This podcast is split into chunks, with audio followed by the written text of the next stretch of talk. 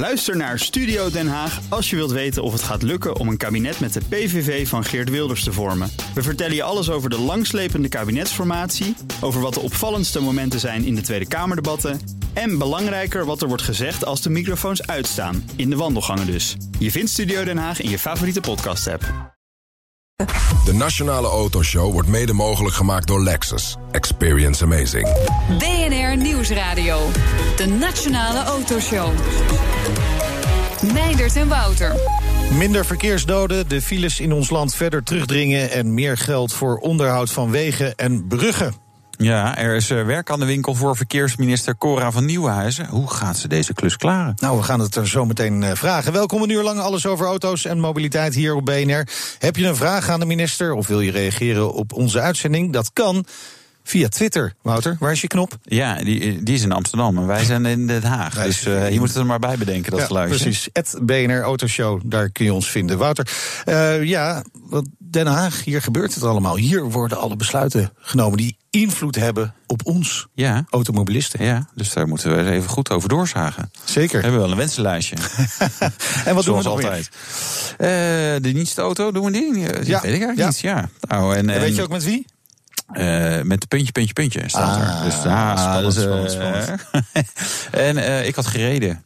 En iets waar Den Haag heel blij van wordt. Want dan krijgen ze heel veel BPM voor binnen. De Jeep Grand Cherokee Trackhawk. Trackhawk. Die kost in Amerika omgerekend 70.000 euro. Ja, En hier in Nederland, Het- als je alle BPM en zo eh, belastingen erop doet. meer dan het drievoudige.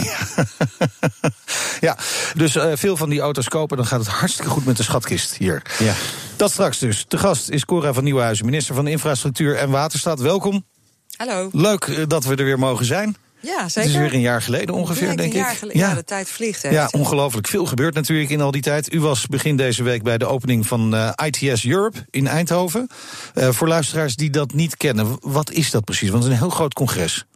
Ja, het is een heel groot Europees eh, congres... waarbij je eigenlijk alles eh, op het gebied van, eh, van slimme mobiliteit gepresenteerd ziet. Dus alle nieuwste technische snufjes in, in auto's... maar ook breder in de logistiek van, de, van de hele transportsector. Ja, alles zie je daar eigenlijk bij elkaar. Dus ja, het is een, echt wel een soort snoeptrommel... voor mensen die in mobiliteit geïnteresseerd Ja, en dat zijn. moet natuurlijk dan in Eindhoven, want dat is de slimste regio van Europa. Zo is het. TNO Automotive eh, om de hoek en een heleboel eh, bedrijven die ook eh, ja, er verband mee houden. Je hebt DAF in de buurt, je hebt VDL in de buurt. Ja. Dus logische plek, ja. Ja, u, u was een van de sprekers, eh, toch? Ja, klopt. Ja. Ja. En, en wat, wat was, dat was uw boodschap?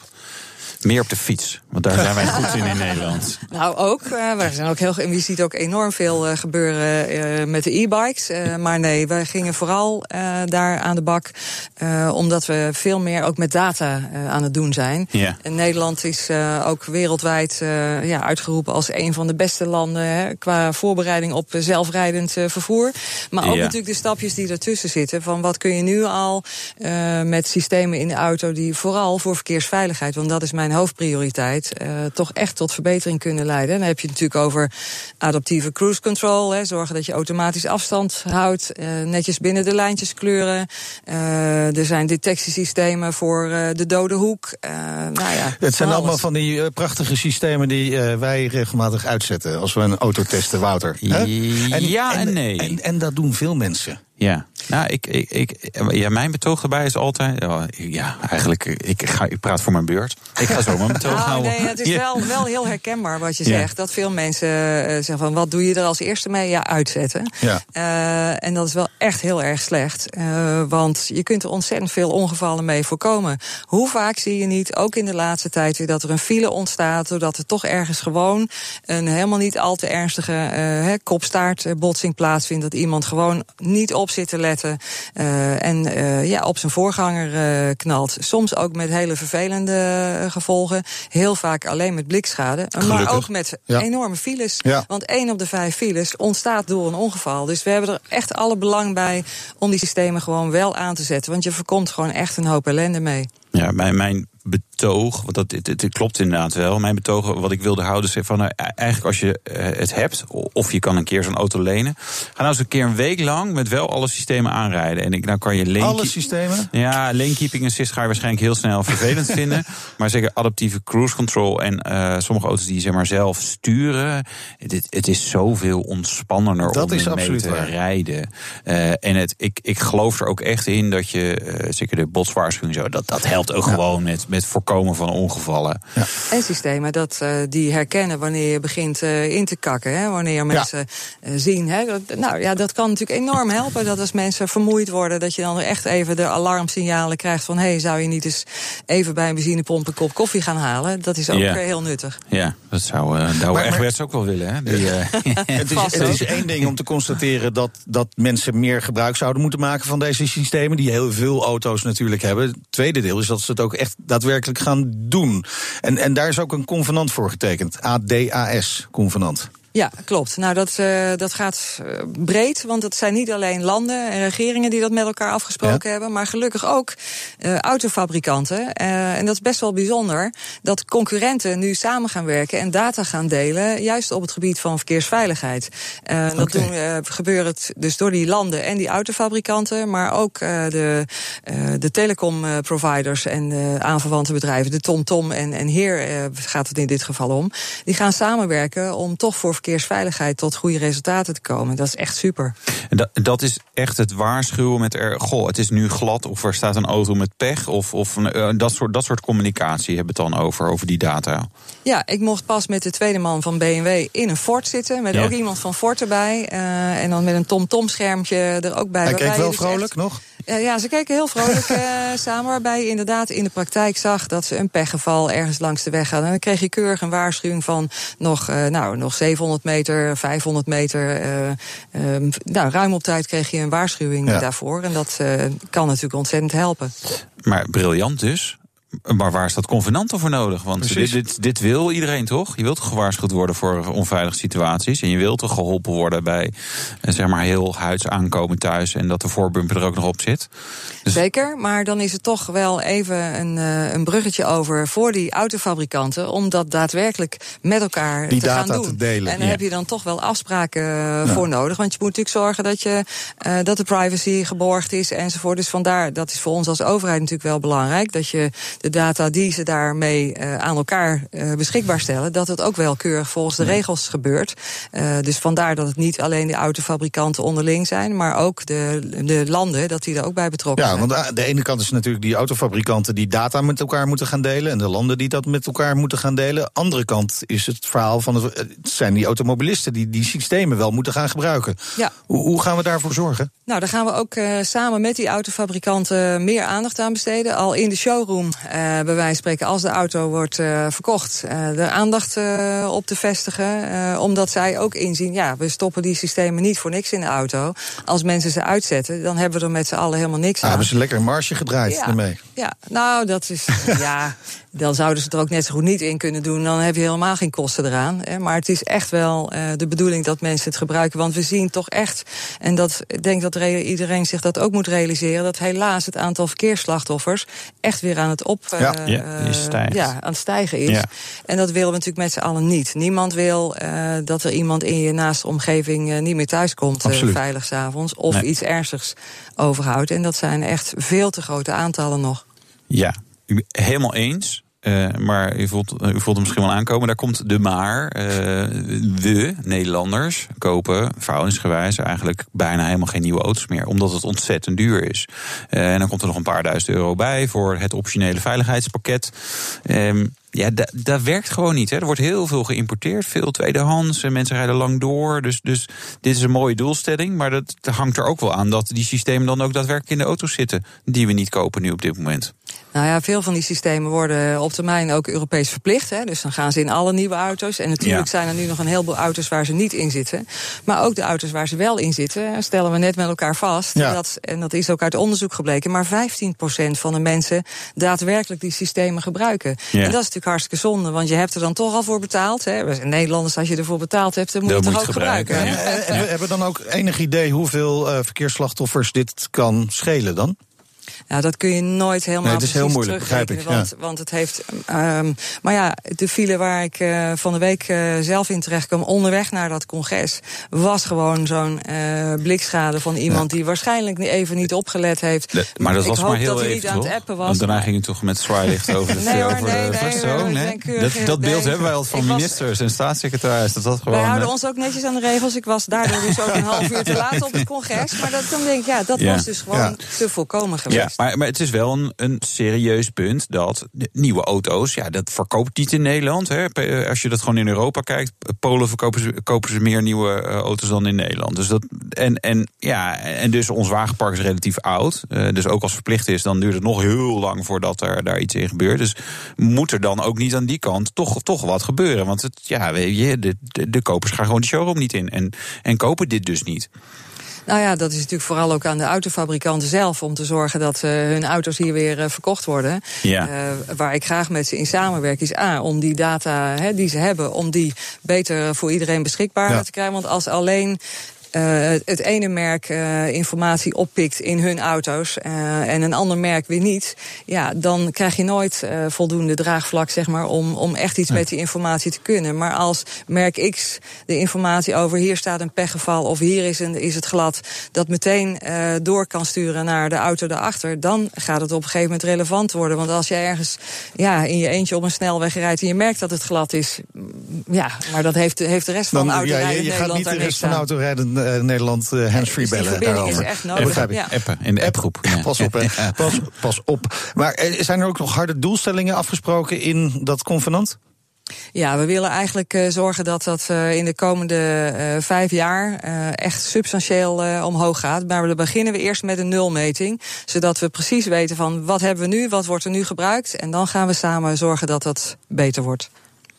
En zometeen verkeersveiligheid. Want ook op dat vlak werden deze week belangrijke afspraken gemaakt. Hadden we het net ook al kort even over. Precies. En we doen de dienstauto van. Ja, van wie, van wie, van wie? Ja, van de dame die hier naast me staat, denk ik. Denk je? Ja, denk het wel. Je hoort het zo. BNR Nieuwsradio.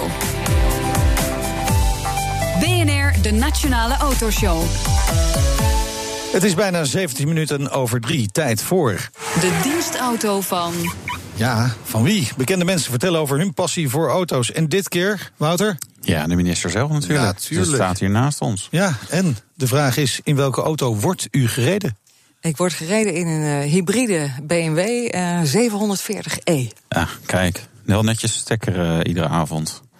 Nou ja, En eh, ochtend eh, en middag. Voortdurend tussendoor. eh, Ja? Ja? de Wordt eh, daarmee bezig. Ja, ja. ja. want je probeert natuurlijk wel, dat is voor hen ook wel de sport, om eh, Ja, ja. zo groot eh, mogelijk percentage elektrisch te rijden. Ja, is er een soort eh, ranglijst van, van alle ministers? Met, eh, niet iedereen zal hybride rijden. Dat zou wel leuk zijn, zijn, hè? Nou, het eind dat- van dat- het jaar. Dat zou eh, misschien best een leuk idee zijn Ja, om daar een sport van te maken. Ja, Ja, ja. willen wij wel bijhouden. Ja, precies, ja. Dat lijkt me heel mooi. Dan kunnen we een bokaal dat uitreden. de nationale autoshow bokaal voor degene die het mooiste... eh gereden. CO2-besparing heeft. Ah, eh, fantastisch. Ja. Ehm, wat rijdt u privé? Ik rijd privé een Mercedes. Een Mercedes. Ja. Een Mercedes. Er zijn heel veel Een types. CLA. Een CLA. Ah, kijk. Ja, van vijf jaar oud. Ja, ja. Wel een mooie auto. Ja, een hele mooie auto. Ja, een mooie kleur. Een mooie eh, silver metallic. Ja, een mooie auto. Heerlijk. Ja. Eh, nog een eh, leuke autoherinnering van vroeger? Ja, eh, de, mijn ouders eh, hadden toen ik heel klein was een, eh, een goudkleurige kever. En dat was wel heel bijzonder. En daarna een zwarte. Dat was ook wel, vond ik toch wel heel, eh, ja. Kever, ja. Heel Ik, stoer, ik, ja. ik heb Ja. een enorme zwak voor, voor de kever. Jij wat minder volgens mij, Wouter? Ja. En mijn eerste eigen autootje was een zwarte mini. Ja, dat Oh ja. ook super. Kijk, ja. ook Ja. leuk. Ja. Maar nu aan het zilver. Heeft hij, heeft hij een Ja. voorkeurskleur voor auto's? Van dat goud naar niet. zilver. Ja. Eh, nou, ik hou niet van, eh, van felle kleuren. Tenzij het echt een sportauto is. Maar Nee. ja, dat is toch eh, ver buiten bereik. Dus, eh, je Nou, ministersalaris, dat is allemaal bekend. Denken, nou, Ja, nou, maar wel, je eh, weet ook de prijzen van sportauto's wel. Ja, ja, tweedehands, van ministersalaris. Echt niet. Meer Heel, afleveringen. Heel, heel ver tweedehands. Meer afleveringen horen van de dienstauto van checkbnr.nl slash dienstauto. BNR Nieuwsradio. BNR, de Nationale Autoshow. Wij praten verder met minister van Infrastructuur en Waterstaat Cora van Nieuwenhuizen. Op het uh, ITS Europe Congres in Eindhoven zijn deze week dus belangrijke afspraken gemaakt tussen Europese lidstaten, autofabrikanten, navigatiebedrijven. Uh, die afspraken hadden we het net al over. Uh, ze gaan meer informatie met elkaar delen hè, over de omstandigheden op de weg. Of het nou glad is, of nat is, of het bijvoorbeeld heel erg hard. Actueel deze weken. Um, hoe, hoeveel landen en fabrikanten en, en inderdaad van die navigatiepartijen zijn er nu aangesloten? Nou, van de landen hebben we Nederland, Duitsland, Luxemburg, uh, Spanje uh, en Finland. Dus okay. uh, niet helemaal alleen de usual suspects. Nee. maar in Zweden zijn we ver mee in de gesprekken. Ehm, dus daar hoop ik ook dat die binnenkort toetreden. Van de autofabrikanten hebben we Mercedes, Daimler, BMW, Volvo en Ford binnen. Dus dat zijn echt nou, hele grote merken.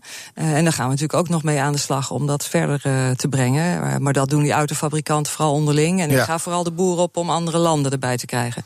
Wat moet een land doen om te worden aangesloten?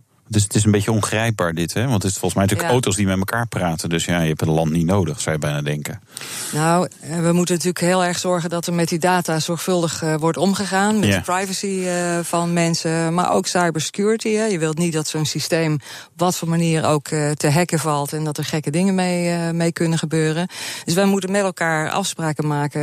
ja, aan welke regels die autofabrikanten zich dan moeten houden. En ja, dat kun je het beste doen natuurlijk op het Europese niveau, want, zodat je in ieder land dezelfde regels hebt. Dat is waar. En wanneer verwacht u dat, dat meer partijen zich verder aansluiten? Dus dat, gaat dat allemaal keer per keer, per land per land, per autofabrikant? Of komt er een soort grote klap nog? Nou, dat, dat weet ik niet. Ik denk dat dat wel een beetje per land uh, zal gaan. Wij zijn natuurlijk bij de landen die voorop lopen op dit hele uh, terrein. Maar ik heb wel goede hoop dat we bijvoorbeeld België, waar we ook, als je het kijkt uh, naar digitaal transport, digitale vrachtbrieven, doen we samen met, met de Belgen, de Luxemburgers en Noord- en Westfalen. De rest van ja. Duitsland komt ook binnenkort. Nou, dat is wel een land waar ik natuurlijk als eerste me ook op richt. Ja. Maar Oostenrijk heeft interesse ja. getoond, okay. dus daar gaan we ook gesprekken mee aan. We ik zou het in België uitzetten hoor. Als je dan ook meldingen krijgt van gaten in de weg, dan. Uh... nou ja, dat is nou, maar weet je, grappig, grappig dat je dat zegt. Want een van de dingen die we willen oplossen is: iedereen herkent het nu dat als er ergens aan de weg gewerkt wordt, dan staat er vaak een bordje van zet je navigatie maar uit. Ja. Terwijl je juist op die plekken nou zou willen dat, dat je navigatie, navigatie precies kan vertellen hoe het nu zit en hoe je actueel uh, wel moet rijden. Nou, dat is nou ook waar die autofabrikanten aan mee willen maar helpen. Maar dus ook die navigatieleveranciers? Ja, en, en de wegbeheerders, ja, ja. Uh, die moeten die gegevens van waar hè, wordt er nou precies op welk moment aan de weg gewerkt, uh, moeten die allemaal in datzelfde systeem brengen. Okay. En dat, daar verwacht ik echt veel uh, vooruitgang ja, van. dat is een, een mooie bijkomstigheid, maar het belangrijkste is natuurlijk de verkeersveiligheid, kan ik me voorstellen, van deze afspraken. Zeker, verkeersveiligheid staat voorop, maar voor de doorstroming is het ook hartstikke ja, goed. Ja, maar goed, die verkeersveiligheid is nodig. Hè. 678 verkeersdoden in Nederland vorig jaar, stijging van bijna 11 procent. Dat zijn geen beste cijfers, terwijl u heeft toen gezegd bij uw aantreden... ik streef naar nul uh, uh, verkeersdoden. Logisch, daar moeten we ook naar streven. Mm -hmm. Maar het gaat eigenlijk alleen maar omhoog dus. Ja, het wordt natuurlijk heel veel drukker op de weg. Uh, dat heeft er natuurlijk ook mee te maken. De economische groei uh, is gelukkig weer aangetrokken. Dat betekent dat er meer mensen een baan hebben uh, ja. waar ze de weg op voor gaan. Er worden meer producten en diensten geleverd waar ook mensen voor onderweg zijn. Dus het is, ja, dat merk je gewoon dat het overal drukker is. En dan gebeurt er ook meer. En wat we ook vorig jaar voor het eerst zagen, is dat er meer mensen met een fietsongeluk om het leven komen dan in de auto. en dat heeft ook weer te maken met meer gebruik van e-bike, uh, grotere snelheid uh, op die fietsen. Uh, meer ouderen ook op die fietsen die soms iets meer moeite met de balans gaan krijgen. En als ze een ongeval krijgen, ook kwetsbaarder zijn, waardoor het ja. sneller serieus is. Nou ja, het zijn een heleboel factoren die daar een rol in spelen. Maar daar moeten we wel uh, keihard nog mee aan de slag. Ja, dus alleen, alleen uh, deze stappen om die rijhulpsystemen te gaan gebruiken, gaat ongetwijfeld helpen. Maar het is niet het enige wat we moeten gaan doen. Er moet veel meer gebeuren. Ja, nou, afleiding achter het stuur is ook een Ja. heel belangrijk punt. Dat, eh, ja, vroeger eh, zat je niet met je mobiel achter het stuur eh, te rommelen, want niemand had een mobiel. Eh, en nu eh, is dat ook echt een probleem aan het worden. Over een paar weken gaat het verbod appen op de fiets in. Eh, daar verwacht ik ook veel van. Eh, want dan, eh, als er een boete Veel van staande 95 houdingen, euro op denk ik. staat. Ja, nou ja. Collega Grapperhaus heeft ook echt gezegd van we gaan ook van die handhaving serieus Oh ja? werk maken. Dat is ook ja. al een keer tijd. Dus, Want ehm, controle, nou, verkeerscontroles, dat is, dat, is, dat is niet, zeker niet toegenomen de afgelopen jaren. En, eh, en, en, en fietscontroles, met, zeker als ik bij mij in de wijk, eh, iedereen die zonder licht zeg maar in de winter fietste, wel append gelukkig, want dan zag je nog wel het blauwe schijnsel in iemands gezicht. Maar hey, hey, hey, ik had niet het gevoel dat er enorm veel gecontroleerd wordt. Dus dat, dat, dat is wel een Ook, ding. ook daar zijn slimme oplossingen voor. Ik heb nu een fiets. Wouter, je gelooft het haast niet. Waarbij de, de- ja, dat is al een heel bijzondere constatering. Maar de, mijn lampen gaan automatisch aan. Net als bij een eh, moderne auto. Kijk. Hij heeft nog net geen lane keeping eh, assist. Ah, en de politie doet ook, eh, past ook nieuwe technieken toe. Want ze zijn bijvoorbeeld ook vanuit een touringcar eh, opnames gaan maken van mensen die eh, gewoon in de auto dan achter het stuur eh, aan, het, aan het appen of iets anders eh, waren. Ze hebben camera's in skiboxen Ja. eh, op auto's geplaatst. Dus eh, ja, die, die pakkans die gaat echt omhoog. Het wordt weer een hele sport om ze te vinden, Wouter. Ja, dat is zeker. Eh, welke extra stappen met, met ja, misschien wel rigoureuze maatregelen wilt u, wilt u nemen om, om, om ja, die, die stijging van het aantal verkeersdoden wel weer, die moeten we ombuigen. Moet, moet weer minder worden. Nou ja, dat, eh, dat is een heel pakket aan maatregelen. We hebben een eh, strategisch plan verkeersveiligheid gemaakt. Niet alleen vanuit de Rijksoverheid, maar ook met provincies eh, en gemeenten. Want verreweg de meeste ongevallen gebeuren op provinciale en gemeentelijke Ja. wegen. Maar ook met allerlei maatschappelijke organisaties. ANWB, Veilig Verkeer Nederland. maar ook TLN, de verzekeraars. nou ja, in totaal 43 eh, organisaties die meedoen in die Verkeersveiligheidsalliantie. en dat is, ja, daar zitten allerlei gedragsmaatregelen in. Zoals zo'n mono-campagne Hoe, loopt hij tot nu toe? Eh, heeft u daar een beeld van? Nou, uit het eerste onderzoek is gebleken dat eh, voor een, een, ja, een nieuw eh, begrip, zeg maar, dat het echt al heel goed gescoord heeft. Dat we heel veel mensen het begrip mono kennen en dat ze ook weten waar het, waar het over gaat. Ja. Dat is natuurlijk de eerste stap, Ja. want gaan ze zich vervolgens er dan ook naar gedragen? Eh, dat, eh, dat moet natuurlijk eh, nog gaan maar, blijken. maar de, de, de eerste tekenen zijn dus gunstig. Het het kan echt zo'n soort Bob-campagne worden, hè? want die, die is heel succesvol geweest. Ja. Nou ja, dat is eh, ook iets van een lange adem natuurlijk. Bob heeft, eh, dat loopt al, eh, al ontzettend lang. Dat gaan we bij Mono ook langzaam opbouwen. En overigens, ook toename van, van drugs in het verkeer. De speekseltest is ook Oh ja. redelijk nieuw. Maar het, het festivalseizoen komt er weer aan. Ik mocht pas in, in ons dorpje in, in Oosterwijk in Brabant ook bij een groot festival aanwezig zijn. En dan heb je toch wel de indruk dat daar ook links en rechts ja. wat gebruikt wordt. Eh, Zelfs daar. En dan zou ik ze echt. Nou ja, ik- ik ze produceren het niet alleen maar in Brabant, maar ze gebruiken het ook zelf. Ja. Maar dat is natuurlijk wel echt. eh, ja. dan, dan moet, ook daar moeten jongeren niet de indruk hebben van. ach, met een kop koffie eh, kan het dan wel weer. Want het kan dus niet. En zometeen de strijd tegen de files. En komt er meer geld voor onderhoud van de wegen en bruggen. En je hoort zometeen rijimpressie in de Jeep Grand Cherokee Trackhawk. Dat zometeen. BNR Nieuwsradio. De Nationale Autoshow. Meindert en Wouter. Welkom terug. We zijn eh, op het Binnenhof in Den Haag. En te gast is Cora van Nieuwenhuizen, minister van Infrastructuur en Waterstaat. Eigenlijk zijn wij te gast, hè? Maar goed, we gaan het hebben over onderhoud aan wegen en bruggen. Want daar is geld voor nodig. Maar hoeveel extra? En is dat geld er überhaupt? En natuurlijk gaan we rijden. Bruggen of geen brug. Dat maakt helemaal niet uit, namelijk met de Jeep Grand Cherokee Trackhawk. Met een dikke V8. Wat bizar lekker deze V8. Klinkt gewoon echt fantastisch. Maar Daar moeten we zo nog wel even wat meer naar luisteren. Ja. Hoeveel, hoeveel pk? 707. Ja, is net genoeg. Hè, dat wil je wel hebben.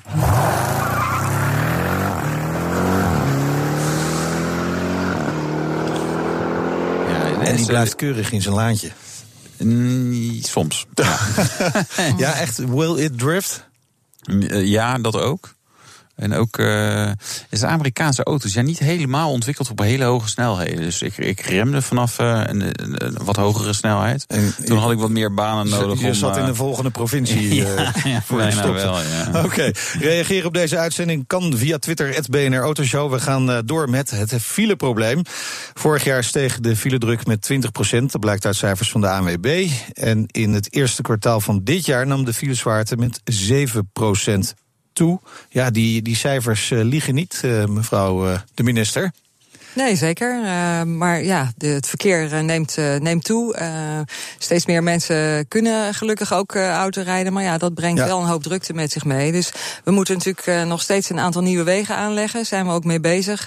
bij de A2 wordt hard gewerkt. we hebben de, de, de A24 Blankenburg-verbinding waar aan gewerkt wordt. Zo zijn er heel veel meer projecten. We zien ook dat het werkt. Hè. Als je de A1 Muiderberg bekijkt, dan heeft het 81% reductie van de files gegeven dat daar uh, die nieuwe snelweg uh, ligt. Dus ja, Team wordt... meer asfalt samen hier. Of, of nou ja, dat, dat nou voor een deel, hè, want daar kun je niet alles mee, mee oplossen. Maar wel veel. Wel veel, ja. En ja, dat, ja, toch zeggen altijd weer alle, alle vervoerseconomen... meer asfalt werkt niet. Maar u zet daar toch andere cijfers tegenover?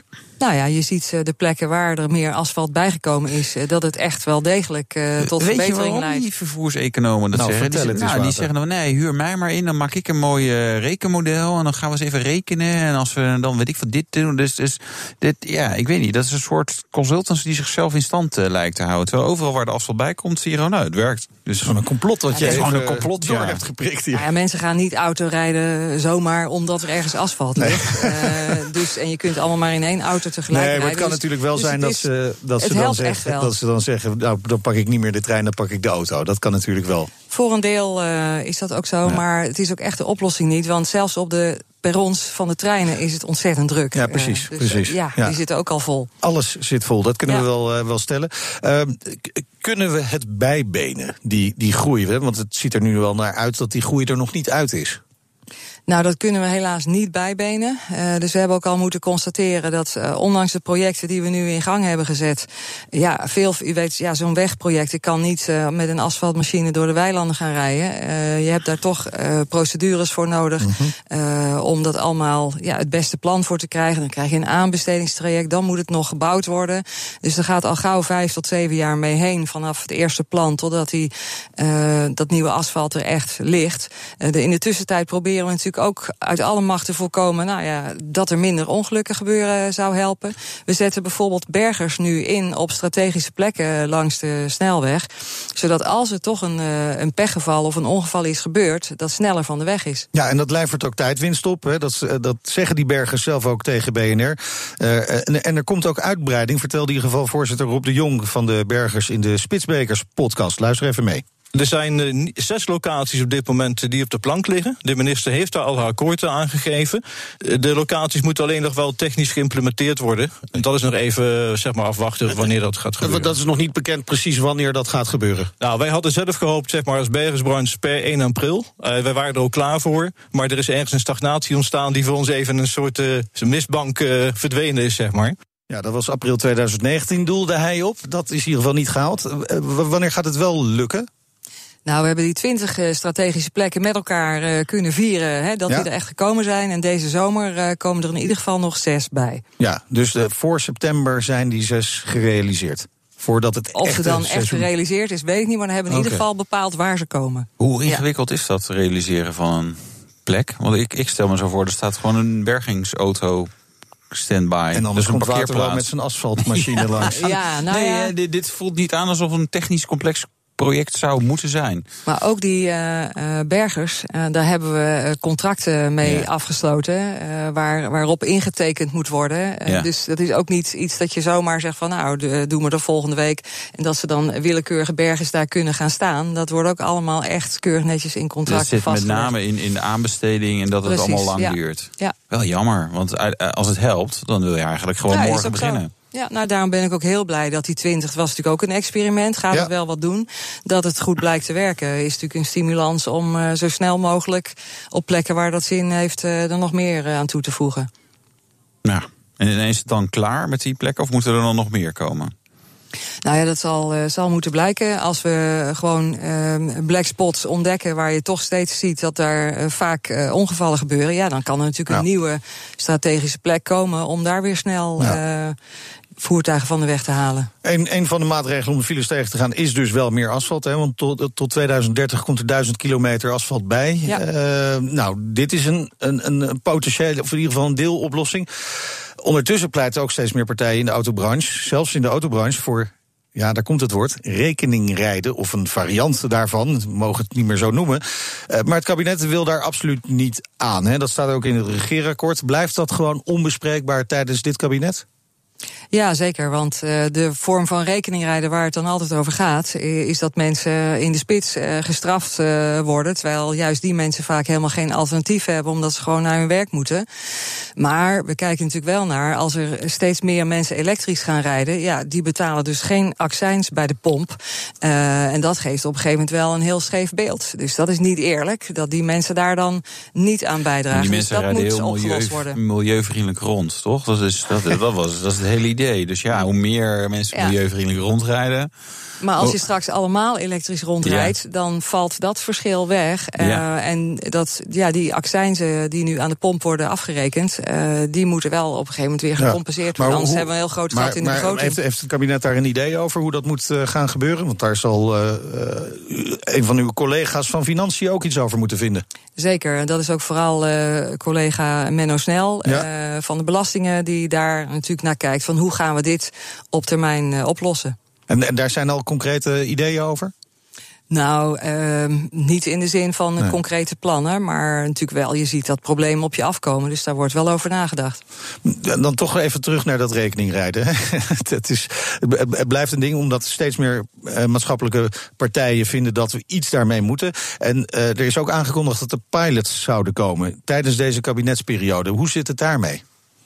Nou ja, er worden natuurlijk allerlei eh, eh, dingen bedacht om toch eh, ja, die doorstroming te bevorderen. Ehm, en daarvoor kijk je natuurlijk ook van, ja, kun je niet bijvoorbeeld spitsmeiden projecten, hè, kun je mensen Ja. niet juist belonen als ze niet tijdens de, de file-tijd eh, gaan rijden. Eh, dat is iets anders dan ze straffen terwijl ze geen alternatief hebben. Dus we proberen het meer van de positieve kant af te benaderen. Oké, maar die pilots die lopen al? Of, of, of komen ja, en er die zijn eraan? ook werkgevers die daar. ASML is bijvoorbeeld een bedrijf eh, die echt gewoon vanuit het hele bedrijf heeft gekeken van hoe kunnen we nou de mobiliteit van onze mensen op zo'n manier vormgeven dat wij niet bijdragen aan de, aan de files. Mhm. Eh, en er zit eh, een heel pakket in met OV-kaarten, met speciaal busvervoer vanuit het bedrijf. Ehm, ja, er zit eh, de elektrische fietsen, van alles. Ja, nou, het klinkt allemaal heel erg als spitsbrekers. Ga vooral die podcast ook eens luisteren. Daar komen heel veel... daar komt hij weer. Ja, ja, daar komen heel veel van dat soort tips eh, naar voren. het is straks allemaal eh, overbodig, hè? al die nieuwe plannen, spitsbrekers. Want komende woensdag hebben we allemaal slimme koppen die hebben iets verzonnen.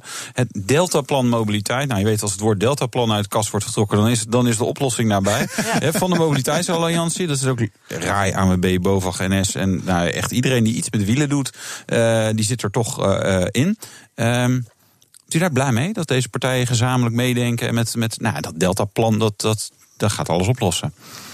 Nou ja, eh, de staatssecretaris en ik hebben er natuurlijk zelf ook over nagedacht. Ja. We hebben onze eigen mobiliteitsschets. maar ehm, ik verheug me er wel op dat ze het mij aanbieden. Het is op mijn verjaardag, dus ik verwacht dat, Ach, het, een, eh, dat het een mooi Dat u een cadeautje, eh, is. Ja, ja.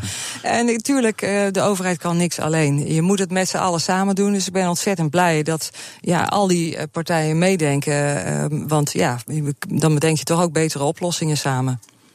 Ja, en wat heeft, wat heeft u de Mobiliteitsalliantie te bieden? Want er zijn natuurlijk wel allerlei partijen die met, met ja, mobiliteit en transport bezig zijn. Dus die, ja, die, die verwachten misschien ook iets terug.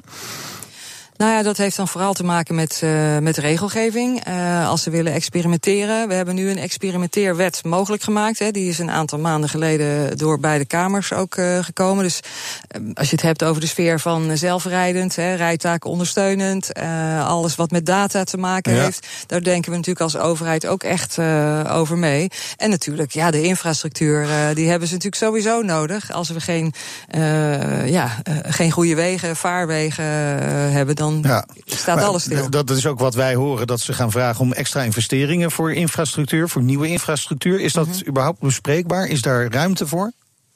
Nou ja, ik ben blij dat ik voor deze kabinetsperiode 2 miljard extra heb gekregen. Uh, eenmalig en 100 miljoen structureel. Maar uh, zeker als je kijkt naar beheer en onderhoud, dan zie je voor de toekomst uh, nog wel uitdagingen op ons afkomen waar ook extra geld bij moet. Zometeen, er moet ook meer geld naar onderhoud van wegen en bruggen. Dat was het nieuws van deze week.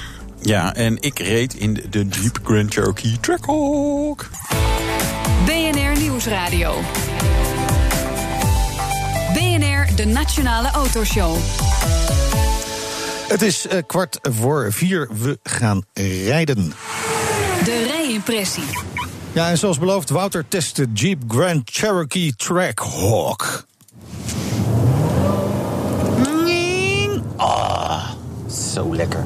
Dit is de daddy of them all. En dan hebben we het over snelle SUV's. En dan zou je denken, komt die uit uh, Duitsland... wegens de scharrige vertaling, uit Italië of uit Engeland misschien. Um, want daar hebben we Bentayga, Porsche Cayenne Turbo... Uh, Lamborghini Urus, nou, BMW, Mercedes... hebben allemaal hele dikke SUV's. Maar niet zo dik als deze. Dit is All American Goodness...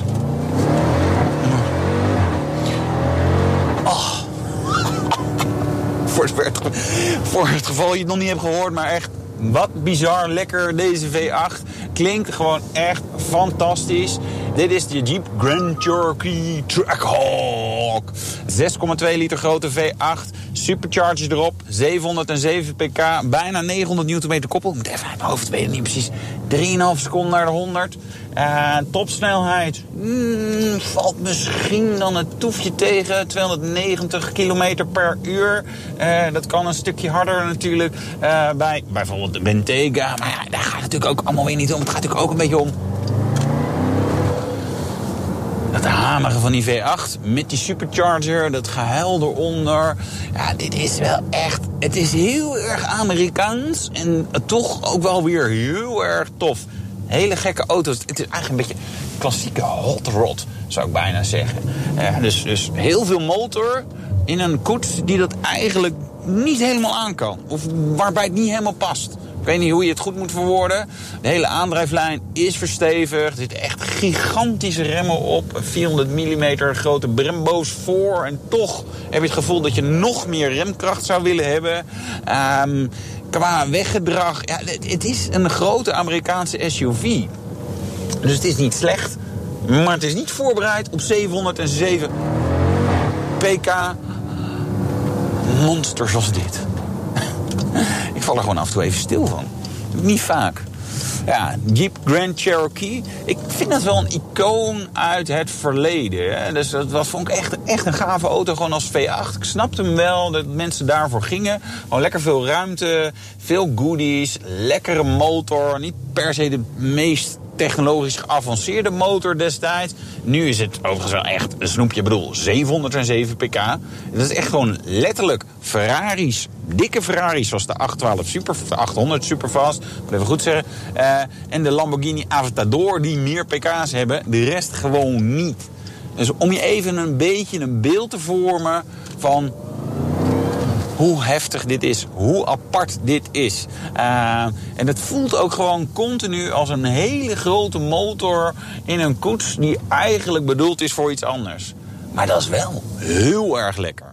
Ja, heel erg lekker. De Jeep Grand Cherokee Trackhawk. In Nederland gaat dat ding bijna 240.000 euro kosten, Wouter. Yes beetje CO2-uitstoot, hè? Ja. ja, dat is, dit, dit, dit, soort auto's eigenlijk onverkoopbaar natuurlijk in, uh, in Nederland. Ja, maar hij komt wel. ja, is er al. Ja, weet je, uh, Enzo Knol, hè, de YouTube-ster, die ah, heeft er een. Ja, ja, uh, maar ik denk dat hij wel Sponsor soms van de, de staatskas. ja, ja. Dankjewel, Enzo. Ja. Dat kan, ja, dat ja weer... maar weet je, dit, dit, dit zijn niet auto's die dan verder hier heel veel verkocht gaan worden. Want ook als je gewoon naar kijkt, dat je denkt van nou, als zo'n, zeg maar in Amerika snap ik hem, want daar is de prijsspel heel anders. En is het, is het echt wel een leuk ding. En hier ja. moet hij natuurlijk feitelijk met een Bentley Bentayga zo'n concurreren. Ja. Dat kan niet. Weet je, daar zo. Nee, wat kost zo'n Bentley Bentayga? Ja, die begint ook met twee, uh, ja. een beetje, beetje rond en, die en prijs. Een, en een Alfa Romeo uh, Stelvio, Stelvio Quadrifoglio. Ja, die is eigenlijk ook al vrij duur is voor wat het is. Uh, is volgens mij 170 of 160.000 euro. Ja, ja. Komen we bij het eindoordeel. Nou. De ideale auto voor Vladimir Poetin. Oh, een Amerikaanse auto voor. Nou, het is wel een beetje een ruige mannenauto. Dat eh, zeker. zeg maar, pardon my French. Maar eh, dus, dus dat vind ik wel bij hem passen. En ik, misschien moeten zeg maar, eh, Amerika en eh, Rusland ook weer wat dichter bij elkaar komen. Dat is natuurlijk allemaal hè, zit een soort politieke boodschap hierachter. Ik- Altijd weer die Altijd politieke weer, boodschap. ja, altijd Na een weer. rijimpressie. Ja, Wouter, precies, dat altijd vond ik even. wel een goede om dat te doen. BNR Nieuwsradio. BNR, de Nationale Autoshow. Ja, we gaan nog even naar eh, Wilfred Gené, want om vier uur is het tijd voor een nieuwe Friday Move. Wilfred, waar zit je?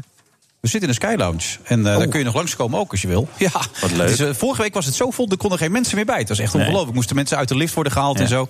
was echt Ja, verschrikkelijk. Maar het is wel iedere, iedere week weer een beetje hetzelfde. Hè? Je moet wel een beetje blijven afwisselen, Wilfred. je bedoelt Toch? qua af, waar we zitten of qua opmerkingen? Ja, dat ook, allebei, ja. Ja. Ja, nou ja, dan. eh, Maar gelukkig heb je wel andere gasten Dat het je handig niet over kut gaat aan stellen. is en dat er helemaal niemand is. Dat kan ik ook roepen natuurlijk. Toch Dat- altijd weer handig, die tips vooral, van eh, Wouter. Vooral niet moet komen, hè? Nee, kom niet. Maar Rob, Rob Campus is er ook. Als je, die kennen jullie wel, toch? Hè? Hij Ja, de de de Toeleman. En hij, tattoo-koning Henk Schiefmar is er aanwezig. Eh, Sophie Verleeuw komt door ons over de politiek bij praten. En naast me zitten Barbara Baar, een tien jaar helden. En dat is een prachtig blad en dat is er nog steeds. En dat, dat zal het ook wel blijven ook. En dan lullen we over van alles en nog wat. Nou, zijn we Cool. weer, hè? Nou, blijven luisteren. Ja. Straks om vier uur een nieuwe Collega's. Friday Move. Met Wilfred Gené, onze trouwe collega. En een goede collega ook. Ja, hij Zeker. luistert altijd eh, hiervoor. Hè? Hij pept zich een beetje op met onze show, Mooi. schijnt. BNR Nieuwsradio. BNR, de Nationale Autoshow. De gast is verkeersminister Cora van Nieuwenhuizen. Ehm, mevrouw van Nieuwenhuizen, verschillende instanties, waaronder Bouwend Nederland en de ANWB, trokken eerder deze week eh, aan de bel vanwege groot achterstallig onderhoud aan eh, wegen, tunnels en bruggen. En eerder deed de Algemene Rekenkamer dat al. En Bouwend Nederland noemt die situatie zelfs heel acuut. Vindt u dat ook? Nou, acuut niet, want de veiligheid is niet in het geding. Het gaat ook niet om groot achterstallig onderhoud, maar er is wel veel uitgesteld eh, onderhoud. En dat heeft natuurlijk verschillende oorzaken. Ehm, nou, bijvoorbeeld de stuw bij Graven is een aanvaring geweest. Dat moet je dan acuut oplossen. Ja. Dus een onderhoudsproject wat eigenlijk door diezelfde mensen gedaan zou moeten worden, schuift dan, eh, schuift dan door. We hebben ook met eh, problematiek te maken, bijvoorbeeld chroom 6 verf. Ehm, misschien is dat wel meer aan de orde geweest. Dat is Kankerverwekkend? Ja, nou, als je dat dus eigenlijk pas sinds eh, nog niet zo lang is dat bekend. Dus wij zijn vanuit Rijkswaterstaat ook gaan testen. Eh, zit dat op bruggen? Nou, het blijkt eigenlijk eh, vrijwel in, in bijna alle metaalconstructies voor te komen. Dat betekent dat je in een soort asbestregime terechtkomt. Dat betekent vertragingen, want je moet het helemaal anders inrichten om die verven dan af te krijgen. Het wordt duurder. Nou ja, dat zijn allemaal van die dingen die je wel tegenkomt. Ja, klinkt ook wel alsof dat inderdaad heel veel onderhoud gaat opleveren. En dus ook veel verkeershinder. Zeker als het over bruggen, wegen en tunnels gaat. Dat is ook zo. En waar de Rekenkamer eh, terecht en Bouwend Nederland ook voor gewaarschuwd heeft, is iets waar ik zelf ook al wel mee aan de slag gegaan ben. Is dat je ziet dat in een periode na de Tweede Wereldoorlog er in een korte tijd ontzettend veel gebouwd is. En net als dat die babyboom-generatie inmiddels ook al allemaal een nieuwe knie of een staaroperatie heeft gehad, moeten onze bruggen en viaducten en wegen dat ook in een Ja. korte tijd allemaal gaan krijgen. En dat is, er moet gewoon heel veel in een korte periode gebeuren. En dat gaat dan heel veel geld kosten.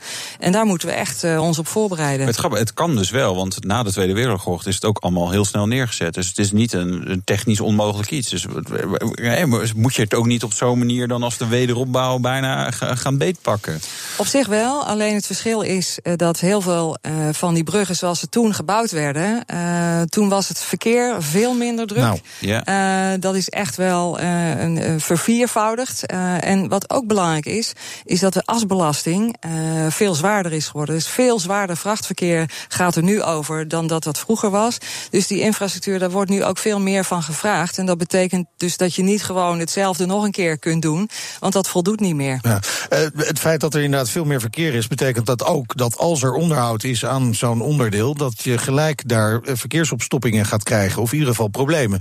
Eh, nou, waarschuwen partijen voor een verkeersinfart. Vindt Ja. u dat te grote woorden ook?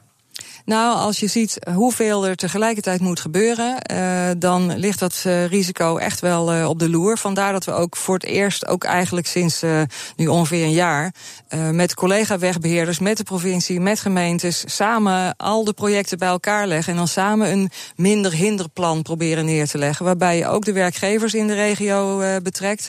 En ook kijkt van ja, wat kunnen we nou met elkaar afspreken met omleidingsroutes? Kunnen ze misschien bij bedrijven net wat, wat later beginnen? Of wat eerder. Eh, kun je je transport op elkaar afstemmen. Kun je misschien wat transport van de weg naar het water of naar het spoor verplaatsen. Uh, ja, ook daar is het alle hens aan dek om de boel uh, rijdend te houden. Is, is er sowieso ook gewoon meer geld nodig om dit allemaal te realiseren?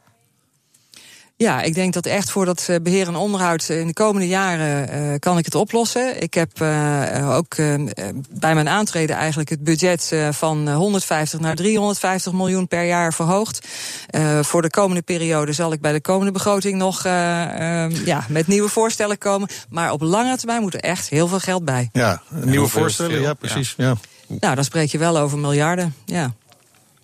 Over de hele regeringsperiode dan bijvoorbeeld? Of, of dat... Nou ja, niet zozeer uh, voor deze regeringsperiode. Nee. Dan uh, kunnen we het nog wel uh, bolwerken. Maar die hele grote boeggolf van vervanging- renovatieprojecten... dat wil je ook niet. dat, nee. nou, of misschien zit ik er zelf nog wel en anders een opvolger... ja. die dan met die problemen komt te zitten. Dus daar moeten we met elkaar echt goed naar kijken. Ja, miljarden zijn er dus voor nodig. exacte bedragen horen we ongetwijfeld met Prinsjesdag. Nou, nog niet. Ik heb de Kamer ook verteld dat we wel voor de korte termijn kom ik met okay. de bedragen. Maar uh, ik wil dit ook door uh, nog onafhankelijk laten toetsen. Dus ergens half 2020 kom ik met dat grote lange termijn plaatje. Nou, spreken we u dan weer. Hopelijk. Graag. Hartelijk dank, Cora van Nieuwenhuizen, minister van Infrastructuur en Waterstaat. Dit was de Nationale Autoshow voor deze week. Terugluisteren kan via de site, de app, iTunes of Spotify. Ja, jouw naam is Meijner Schut, hè? En jouw naam Wouter Karsen. ja, Fijn dat je er was. Week, ja. De Nationale Autoshow wordt mede mogelijk gemaakt door Lexus. Experience amazing.